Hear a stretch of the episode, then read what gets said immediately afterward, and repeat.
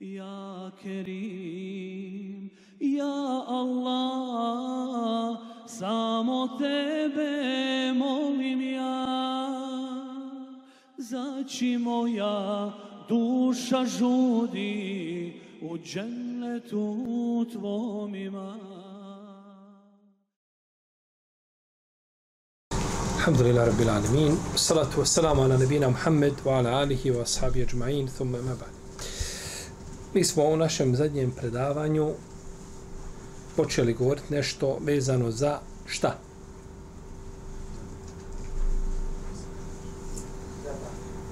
Za Islam.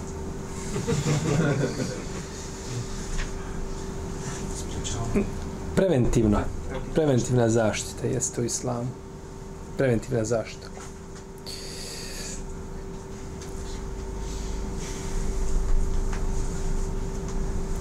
Došli smo do zabrane konzumiranja pića s grla mješine.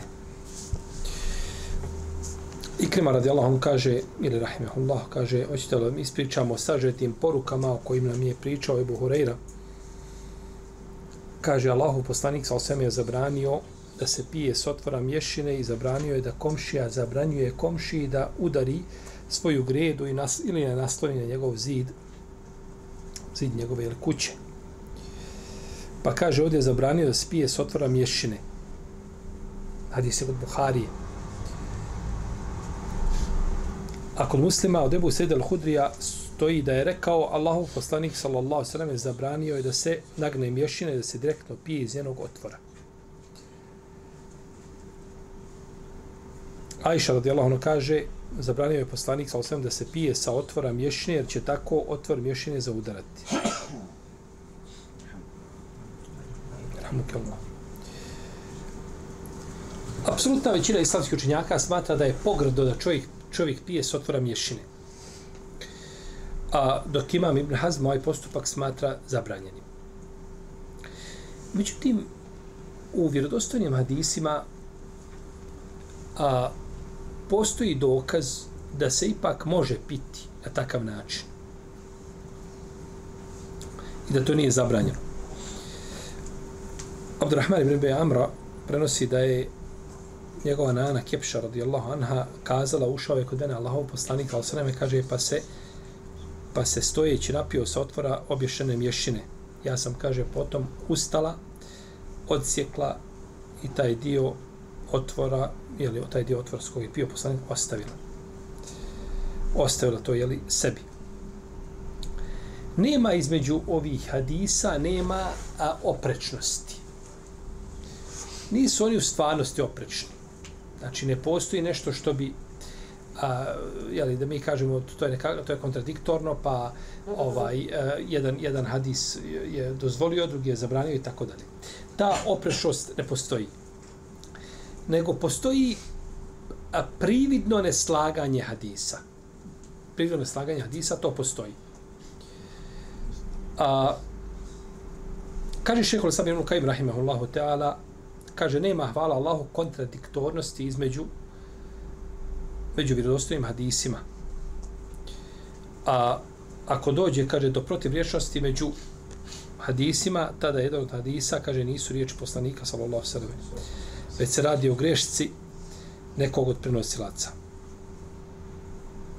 Unatoč tome, unatoč tome što je pouzdan, jer pouzdan prenosilac može pogriješiti postoji mogućnost da je jedan hadis derogirao drugi hadis, isto tako protivriječnost može nastati usred nedovoljnog razumijevanja hadisa, a ne zbog oprešnosti koja postoji u riječima poslanika sa osam.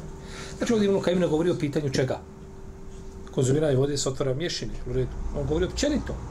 Znači o tim, znači kako uskladiti značenja različitih hadisa. I to je nauka za, za, za sebe. Ha.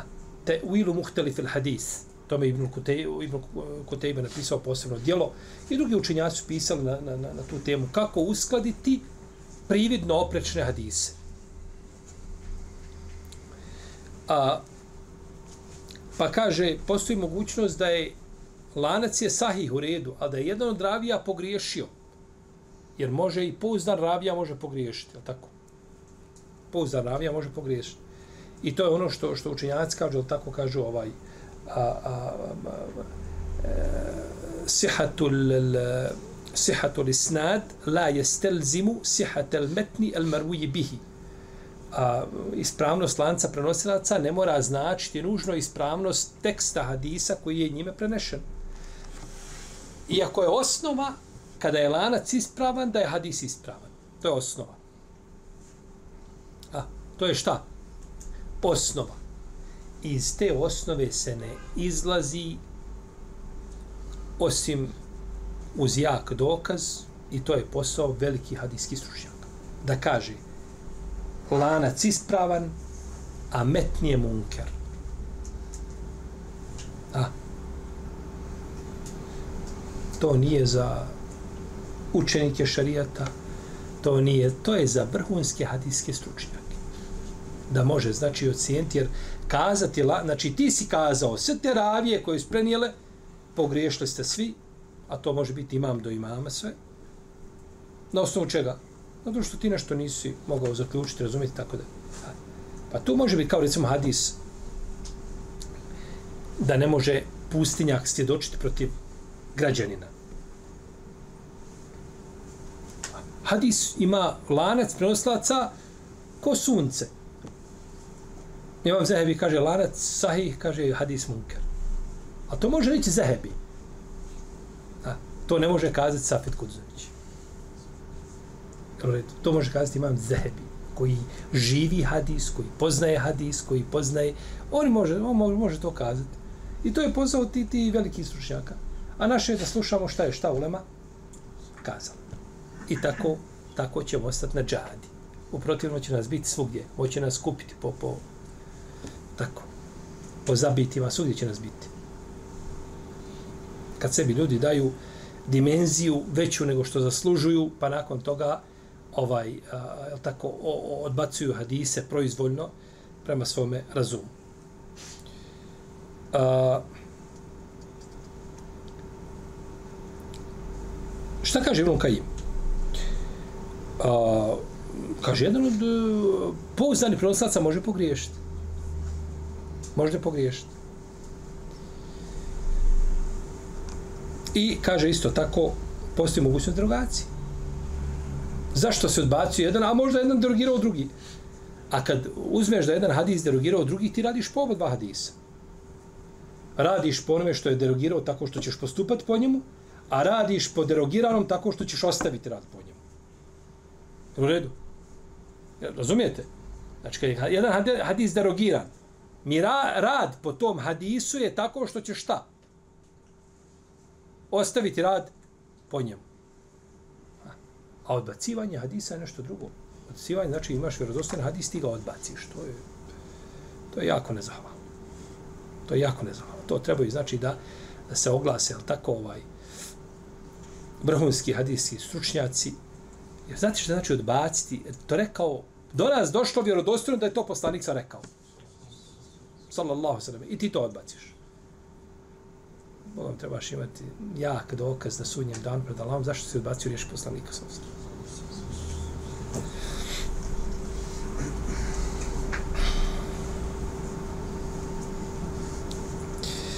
Postoji razlika između osobe koja nema izbor da pije osim direktno iz okačene mješine i nema čašu pri ruci, posudu nekako, ne može piti šake.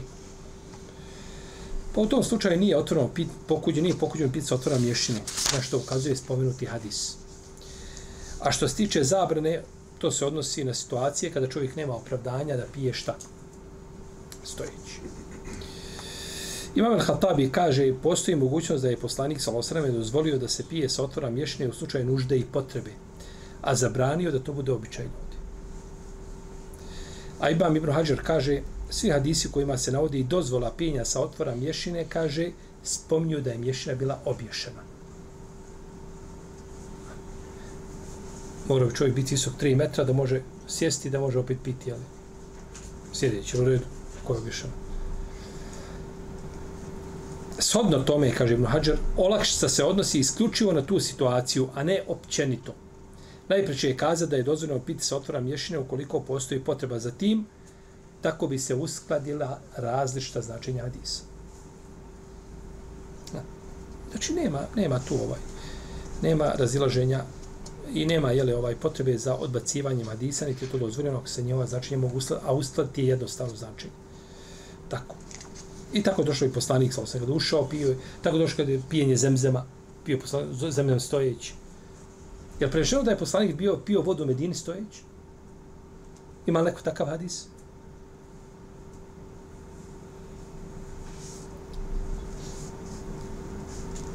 To ćemo to. Pa je, znači, najpriče pomijeti. Islamski učinjaci imaju različita objašnjenja zbog čega bi bilo zabranjeno piti s otvorom ješine. Neki kažu, postoji mogućnost da neki od insekata uđe u mješinu, pa da ga čovjek proguta kada pije. Drugi kažu, postoji mogućnost da otvor za, za onaj mješine za udara. Onaj pipak sa koga se pije. I to je kazala Ajša u hadisu pred to, tako? To je ona kazala da ne bi zaudarala, jel, da ne bi zaudarala. Može popiti, kažu učenjaci, čovjek u tom slučaju veću količinu vode nego što planira da popije. I može se zagrcati kao što može spasti svoju odjeću. I četvrto, kažu da se nakon toga može ljudima gaditi da pije s tog mjesta neko tako pio, jel tako, onda ovaj drugi jedu. To može unutar porodice jedne, da se...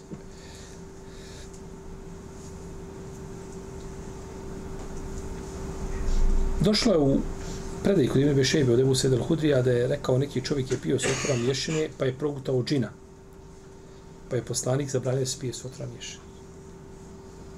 Taj hadis bilježi Ibn Bešebe i islamski učenjaci razilaze a imam Ibn Lakin je prihvatio ovu predaju cijenom ispravnom, a imam El-Behak je odbacio. Znači, dva šafijska učinjaka, e, dva muhadisa razišla se obez sa ispravnosti ovoga hadisa.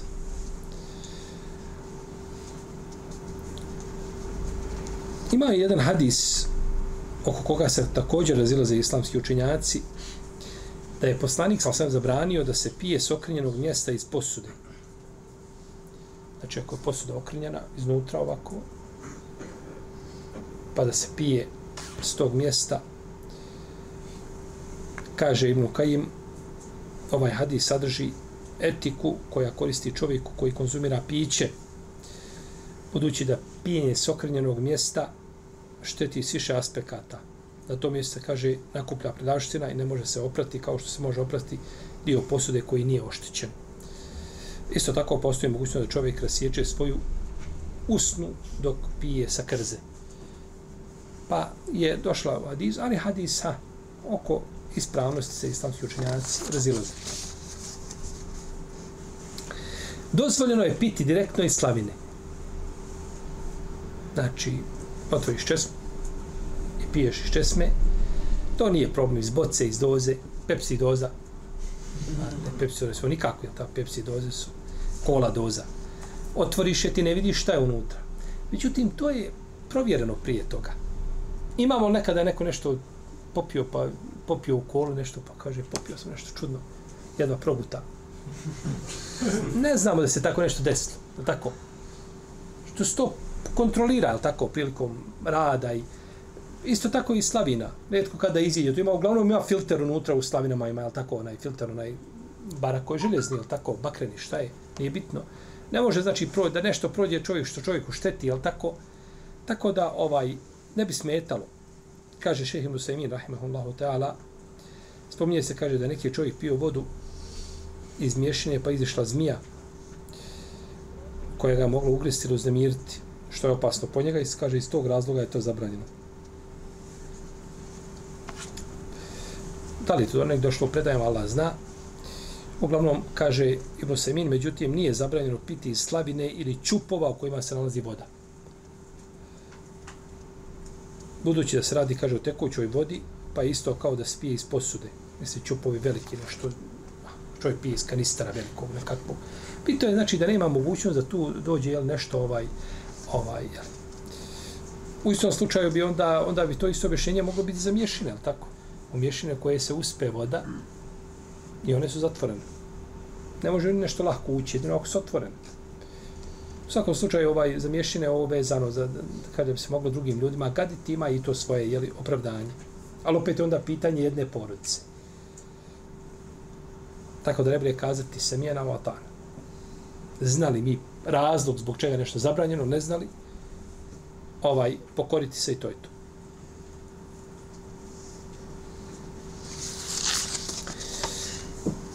Pijenje s pauzama bez puhanja u posudu.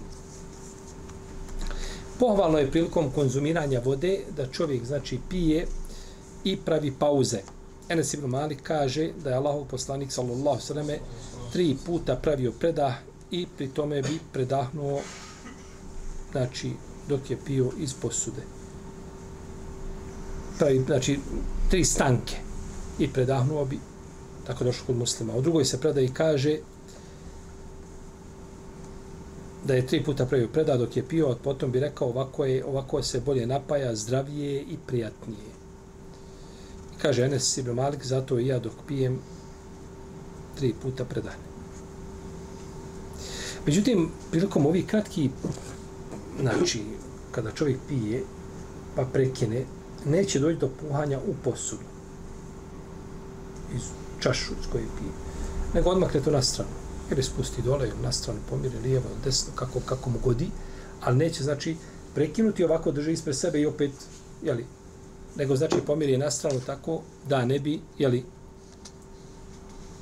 drugima, da ne bi drugima ogadio tu vodu. Kaže poslanik, kada neko pije, neka ne puše u posudu, a kada ide u nužnje, svoje sporne organe dotiče desnom rukom i neka se nakon toga ne pere desnom rukom.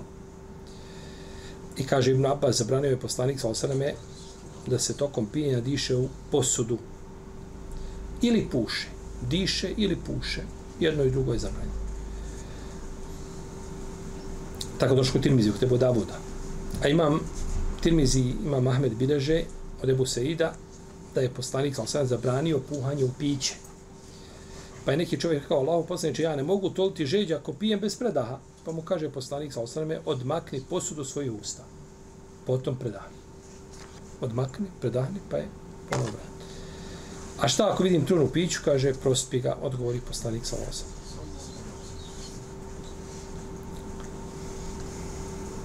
I u sunetu se bilježi hadis iz koga se može shvatiti da je dozvoljeno piti bez predaha. Znači, da je dozvoljeno piti jedan put ne mora tri puta. Jedan put kada je pio čovjek i to je dozvoljeno. Došao kod mama Ibn Mađe i kod Ibn Bišejbe sa dobrim lancem, da je poslanik, sam sam rekao, kada neko od vas bude pio, neka ne diše u posudu. A ako bude htio ponoviti piti, neka pomjeri posudu u stranu, zatim neka se napije. Kaže, kada od vas, šta kaže, ako, kada neko od vas bude pio, neka ne diše u posudu. A ako bude htio ponoviti, Ja tako, spominje se ovdje, razumije se šta? Jedno pijenje, je tako? U jednom cugu da pije, a ako želi ponoviti, neka odmakne, pa neka predijene, pa neka, pa neka ponovi pije. Tako da ne smeta, iako je pretežna praksa poslanika, samo bila šta? Međutim, ponekad čovjek obraća se ljudima, ne znam, negdje na katedri priča, drži predavanje, da ne bi sad, jel tako, ovaj tri puta prekidao, jeli, tako da ne stapi jedan put, neće smetiti. Ako je zatim potreba, a ponekad je dobro da se ljudi i pouče ili sunnetu.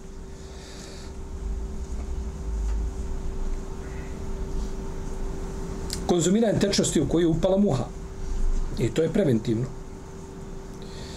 Ebu Horira radi Allah, ono kaže da je poslanik, sam sam rekao, ukoliko muha upadne u posud nekog od vas, neka je cijelu umoči i onda neka je izbaci, jer je u jednom njenom krilu lijeka, u drugom bolest. Tako je došlo kod Buharije.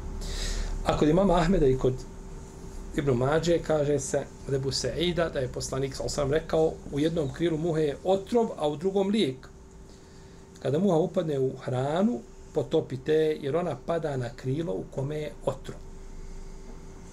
Kada pada, ona se dočeka na krilo u kome je šta? Otrov. Pa je onda moraš potopiti da bi se, jel tako, ovaj, a, da bi lijek imao svoju funkciju i da ne bi štetilo čovjeku. Ibn Hajar kaže, nije spomenuto o hadisima koji je krilo sadrži lijek, a koji je krilo sadrži šta? Otrov. Imaju li ovo drugi ljudi? Imaju li, ovo, imaju li ovi o, drugi nešto u, slično ovome? Pogledajte, o čemu Islam vodi brigu, muha upala i koje je, o čemu Islam su se raspravili, o čemu, koje je krilo, u kom krilu je otrov, a, kako postupiti i, i sa muhom i mušicom kad ti upadne u piće.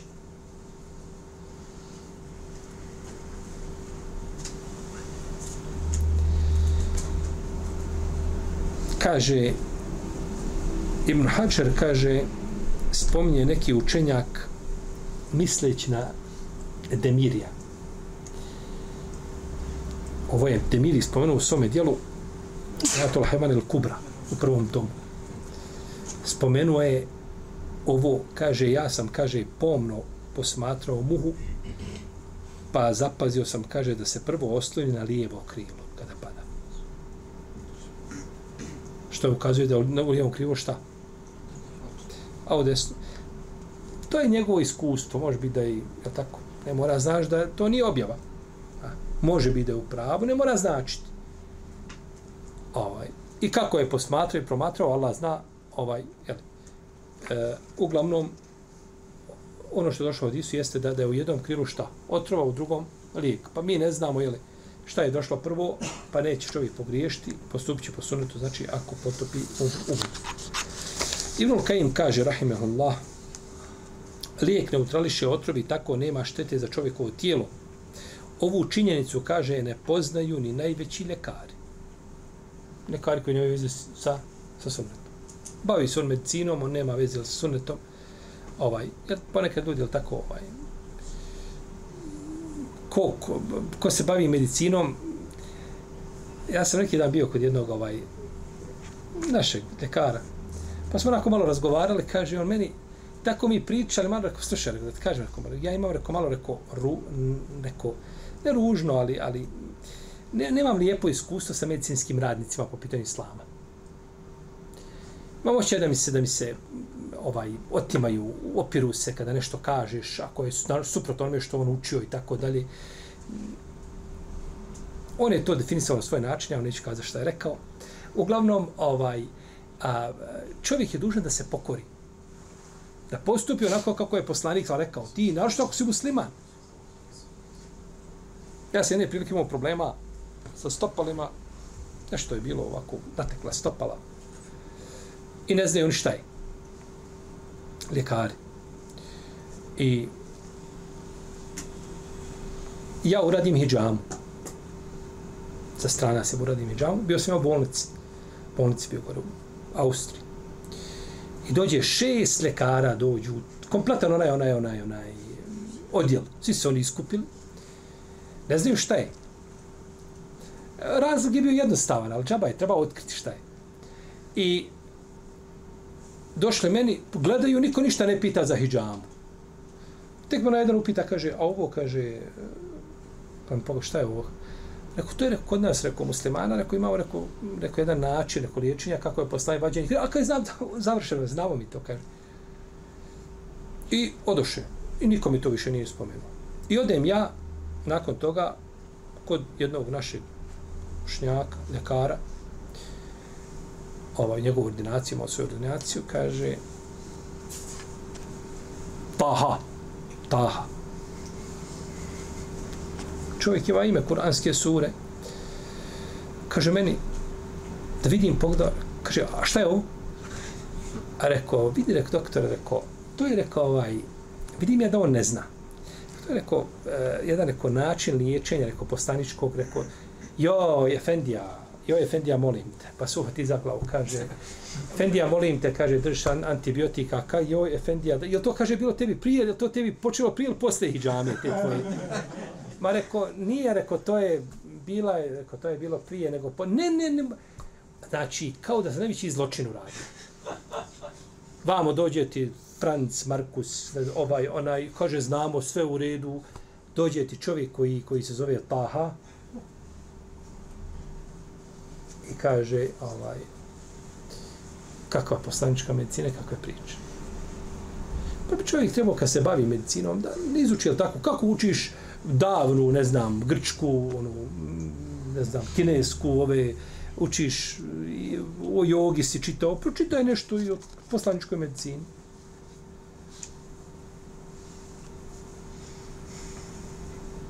Kaže, Ibn Kajim ovu kaže činjenicu ne poznaje, ne poznaje najveći lekari.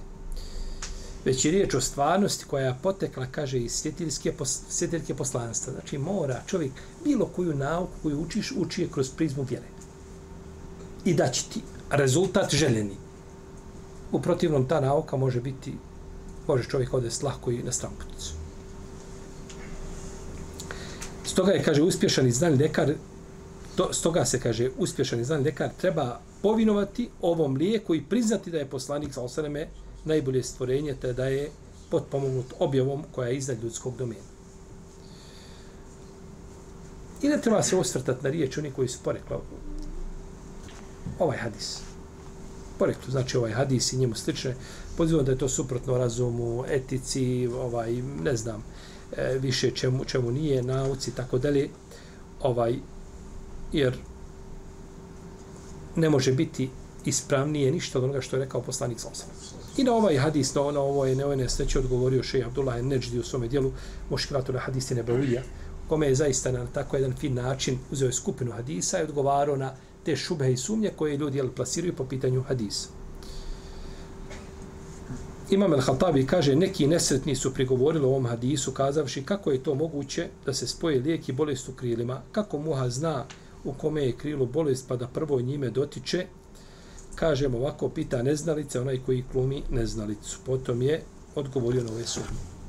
Znači, a, a, ovdje je prvenstveno dužnost da čovjek vjeruje u ono što je poslanik, sal sam rekao, da je to istina, s jedne strane, a razum, ako dokuči tu mudrost, dokuči, ako ne dokuči, to nije ni uvjet.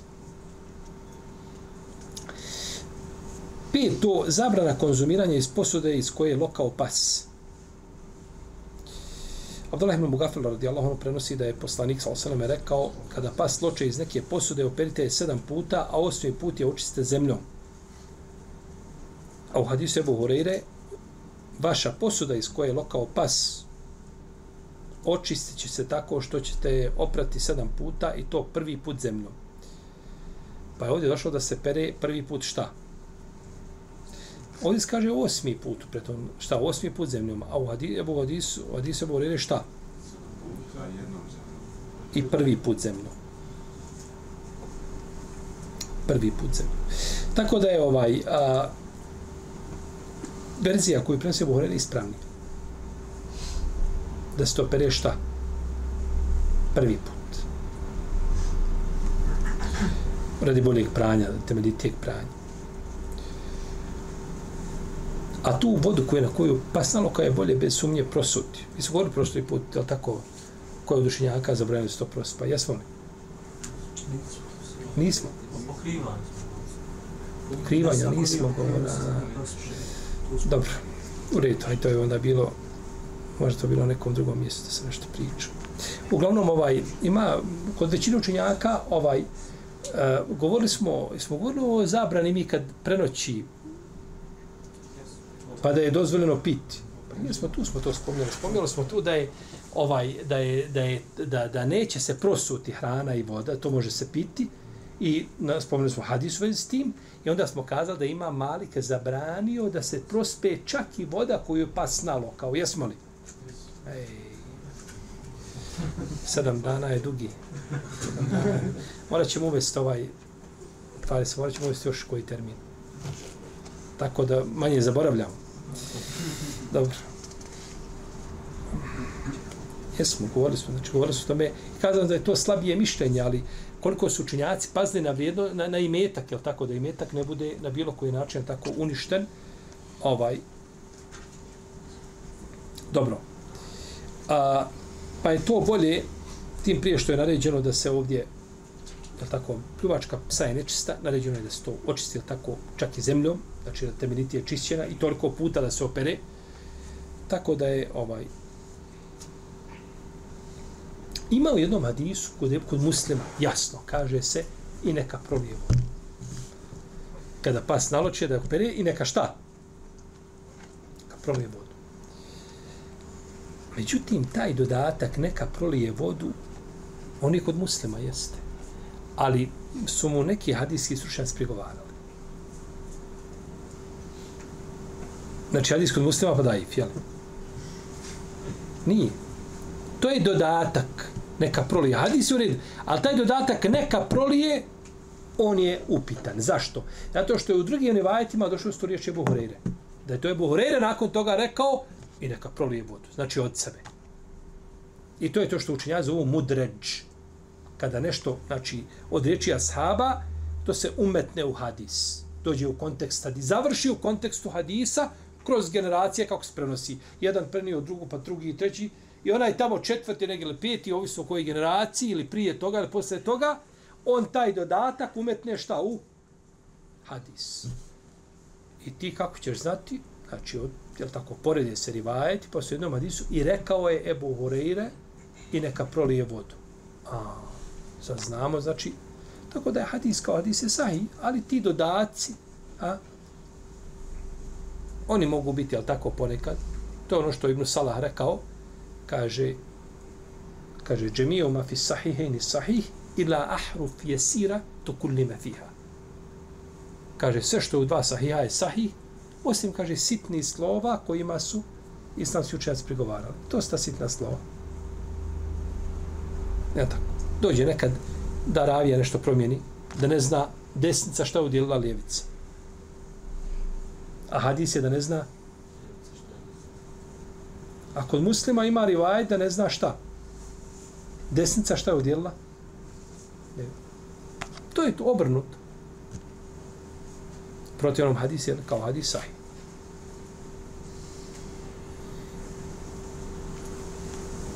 Pa većina islamskih učenjaka smatra nečistim ono što naloče pas. I u tom pogledu nema razlike psa koga smiješ držati i psa koga ne smiješ držati. Lovački pas se smije držati. Za žitarice pas, ovčar, kad ima potreba, tako. Znači oni su isti, psi su isti u tom pogledu. Držao čovjek psa s pravom ili bez prava. Tako. Držao kućnog ljubimca ili držao psa da mu čuva ne znam, stado. Psi su u tom pogledu, znači, isti, jel? Govorim, mi govorimo ovdje o čemu? O su'urul kelb, ono što ostane, što naloče, voda koja ostane nakon što je pas naloče. Jer njegova pljuvačka je šta? Nečista. Ibn Hajar kaže da su vezi s ovim djelom, kaže, može napisati, u vezi s ovim hadisom, može napisati zasebno djelo. kad naloče pas iz nekog od vas. Kaže, to je za jednog post, to je za posebne studije. Dobro. Zabrana da se pije stojeći. Zabrana da se pije stojeći. U sunetu poslanika smo se zabilježeno nekoliko hadisa koji zabranjuju konzumiranje vode u stajaćem položaju. Enes ibn Malika Enes ibn Malik i Ebu Seid kažu da je poslanik sa osanem zabranio pijenje u stojećem, stojećem položaju. A Ebu Horeira radijallahu anhu kaže da je poslanik sa osvijem upozorio neka niko od vas ne pije stojeći, a ko zaboravi, neka povrati. To je kod muslima. A ko zaboravi, neka povrati. Znači, zaboravio, spio stojeći, zaboravio, povrati. Pa što onda kad nije zaboravio? A u drugoj verziji ovoga hadisa stoji da je poslanik Salosavim rekao kada bi onaj koji pije stojeći znao šta se odvija u njegovom stomaku, izazvao bi povraćanje. To je kad imamo Ahmeda sa dobrim lancom. I vidio je čovjeka, vidio je poslanik Salosavim čovjeka da pije stojeći, pa mu je rekao povrati. Kaže, zašto? Kaže, da li bi volio da s tobom pije mačka? Kaže, ne bi Allah poslanič. Kaže, s tobom je bio onaj koji je gori od mačke. Kaže, to je šeitan. Imam Ahmed sa istrojim lance. Znači, ovo su hadisi koji ha, a, nedvosmisleno ukazuju na zabranu pijenja stojeći. Međutim, imaju hadisi koji ukazuju da se može piti stojeći. I da je to dopušteno. Ispomenuli smo hadis Kepša radijallahu ona koja je kazala šta da je poslanik pio iz Meše Pavanatocima. Stojeći je pio.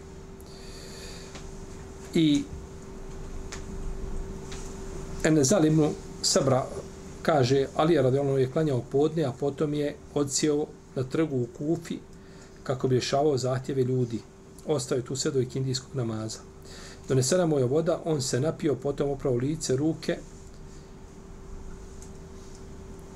a kaže, potom je ustao i ostatak vode popio stojeći. Zatim je rekao, neki ljudi ne odobravaju pijenje stojeći, je vrijesnik sa osvrame je radio ovako kao što sam ja uradio. Pa je popio stojeću. A Ibn Abbas radi Allah, ono kaže, poslanik sa osam se napio zemzema stojeći. To je kod Buhari i kod muslima. Isto ovdje, znači, ono što spomnilo prethodno, autentična predanja nisu oprečna jedna drugima. Međutim, treba ih pomiriti. A kada je pio zemzem stojeći poslanik je bio meki ljudi su prilazili, tavafili, um, gužva velika. A nije bilo jednostavno tu sjesti, čučuti, ima tu mjesto. Aha, odgovarajući da sjesti tako da. Protivnom, a, šta bi uradili i kako bi protofsirili sve hadise koji to zabranjuju. Postanik zabranjivao sabima da nešto rade, a on činio. Pa ili je to vrijedilo samo za njega, ili je ili se radi o dokidanju, ili postoji razlog. A ovdje najpreće je kazati da ovaj da je ovdje postojao razlog zbog koga je poslanik sa osanem, je tako, zbog velike gužve gdje možeš čučniti. Nekad piješ iz recimo danas po, po, po aerodromu imaš one, one, one frižidere stojeće, pritisneš, izlazi mlaz vode. Ti ako nemaš sa sobom bocu, flašu da napuniš ili čašu da piješ, teško ćeš imati to sa sobom. Piješ stojeći. Ima potreba. Kada ima potreba nije problematično. Međutim, ako nema potrebe, ne treba čovjek da pije stojeći. Čučnut je preče i bolje i to je bliže sunnetu bez imano sumnje.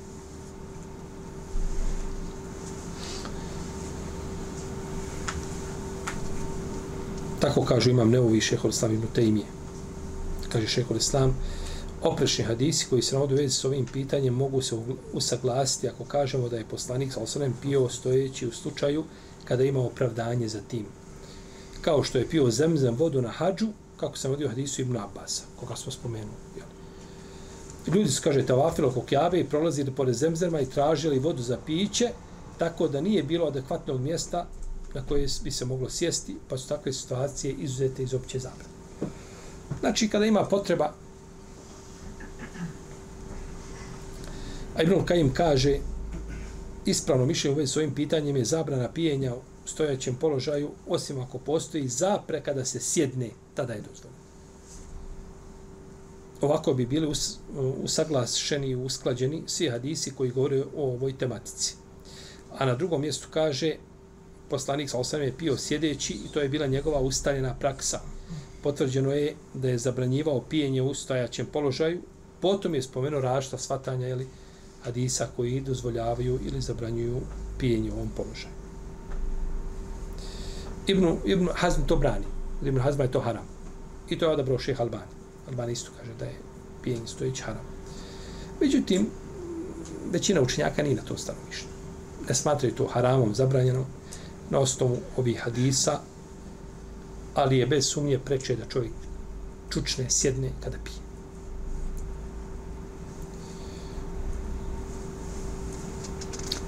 zabrana konzumiranja ružnih jela uzvišen Allah je dozvolio i to je od šta?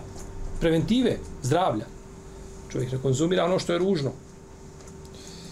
Uzvišen Allah je dozvolio konzumiranje lijepih, a zabranio konzumiranje ružnih jela. Kaže onima koji će slijediti poslanika, potom kaže koji će im lijepa jela dozvoliti, a ružna im jela zabraniti. Pa je poslanik sam zabranio. Sve što je zabranio je ružno a sve što je dozvolio lijepo. A. Sve što je dozvolio poslanik sam da se jede, to je lijepo, to je minja tajibat. Ono što je zabranio, to je ružno. Zabranio se strvi, krvi, sinsko meso, ono što je zaklon nečije drugo ime, a ne u Allahovo ime, ali tako. ono što je udavljeno, ono što je ubijeno, od munhanikatu, od mokuzatu, od mutareddijatu, od natihatu, od majkele sebo. Ima skupina, znači, tih zabrana koja je došla za životinje, ali tako, koje je zabranjeno konzumirati. I ono što je strmoglavljeno i rogom ubodeno i zvijeri načeto, osim as... illa ma zakejt. Osim onoga što stignete vi prije toga pa ga zakoljete. A, prije nego što šta? Umre.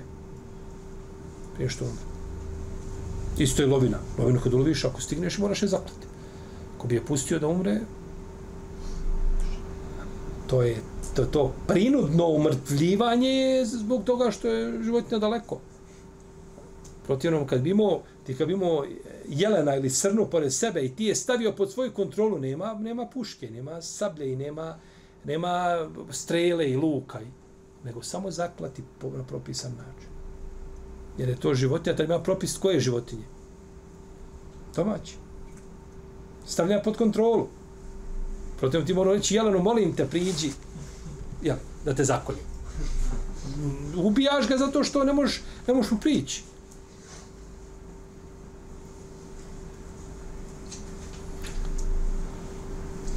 Pa je širija zabranio mnoga jela i pića, čijim konzumiranjem čovjek nanosi sebi dunjalučku i ahiretsku štetu. Kao što je zabranio određene načine i okolnosti prilikom konzumiranja hrane i pića.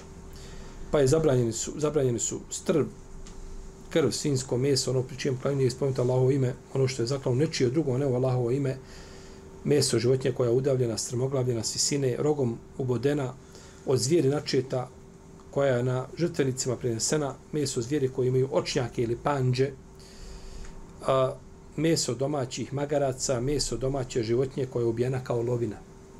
A, meso domaće životinje. Ti kravu pogodiš puškom. Lovio kravu. Lovio, ne znam, ovcu. To je domaće životinje, to, to, može, to se ne lovi. Nije to lovina.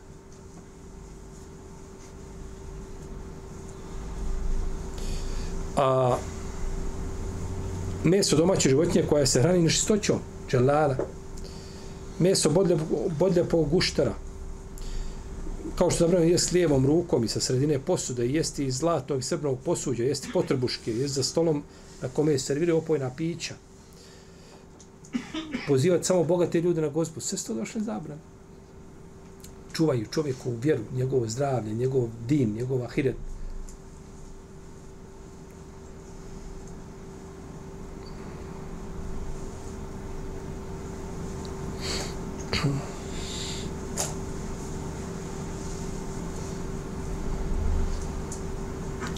Osmo, pranje ruku prije i posle jela.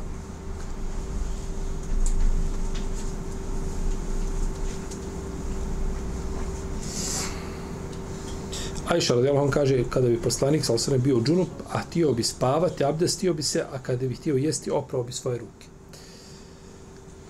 Ovo bileži imam Nesaje, imam Ahmed. Neki učinjaci govore je pranje ruku prije jela novatarija. Međutim, ako to čak nije imam Bejhek, spomenuo se sve, svome djelu Ladab, spomnio to. Međutim, e, i da se to pisuje Maliko, međutim ima hadis. Ima hadis tako da je, ostaje, jeli, naročito ako je čovjek, ha, dugo čovjek abdestio, ne znam, pa sjeo i tako dalje, oprao ruke prije kratkog vremena, Među ako je čovjek nešto radio, slično tome, onda je, jeli, pranje ruku je sigurno u tom slučaju još pohovalnija, da ne kažemo i obavezno ako mogu sebi time naneti kako štetu. A Ebu Horer radijalom prenosi da je poslanik sa osanem rekao ko zaspija na njegovoj ruci ostane masnoće od mesa koju nije oprao, pa mu se nešto ružno desi, neka ne krivi osim samog sebe.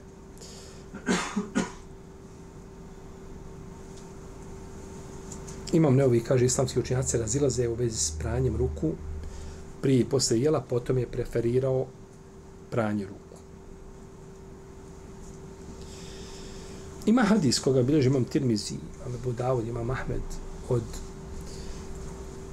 Selmana radijallahu anhu da je rekao pročitao sam u Tevratu da pranje ruku nakon jela povećava beričet hrani. To sam spomenuo poslaniku sa Losanem pa je rekao kaže pranje ruku prije i posle jela povećava beričet hrani. Pranje ruku šta prije i posle jela povećava beričet hrani. Za ovaj hadis kaže imam Tirmizi, imam Ebu Dawud, imam, imam Bejheqi da je daif.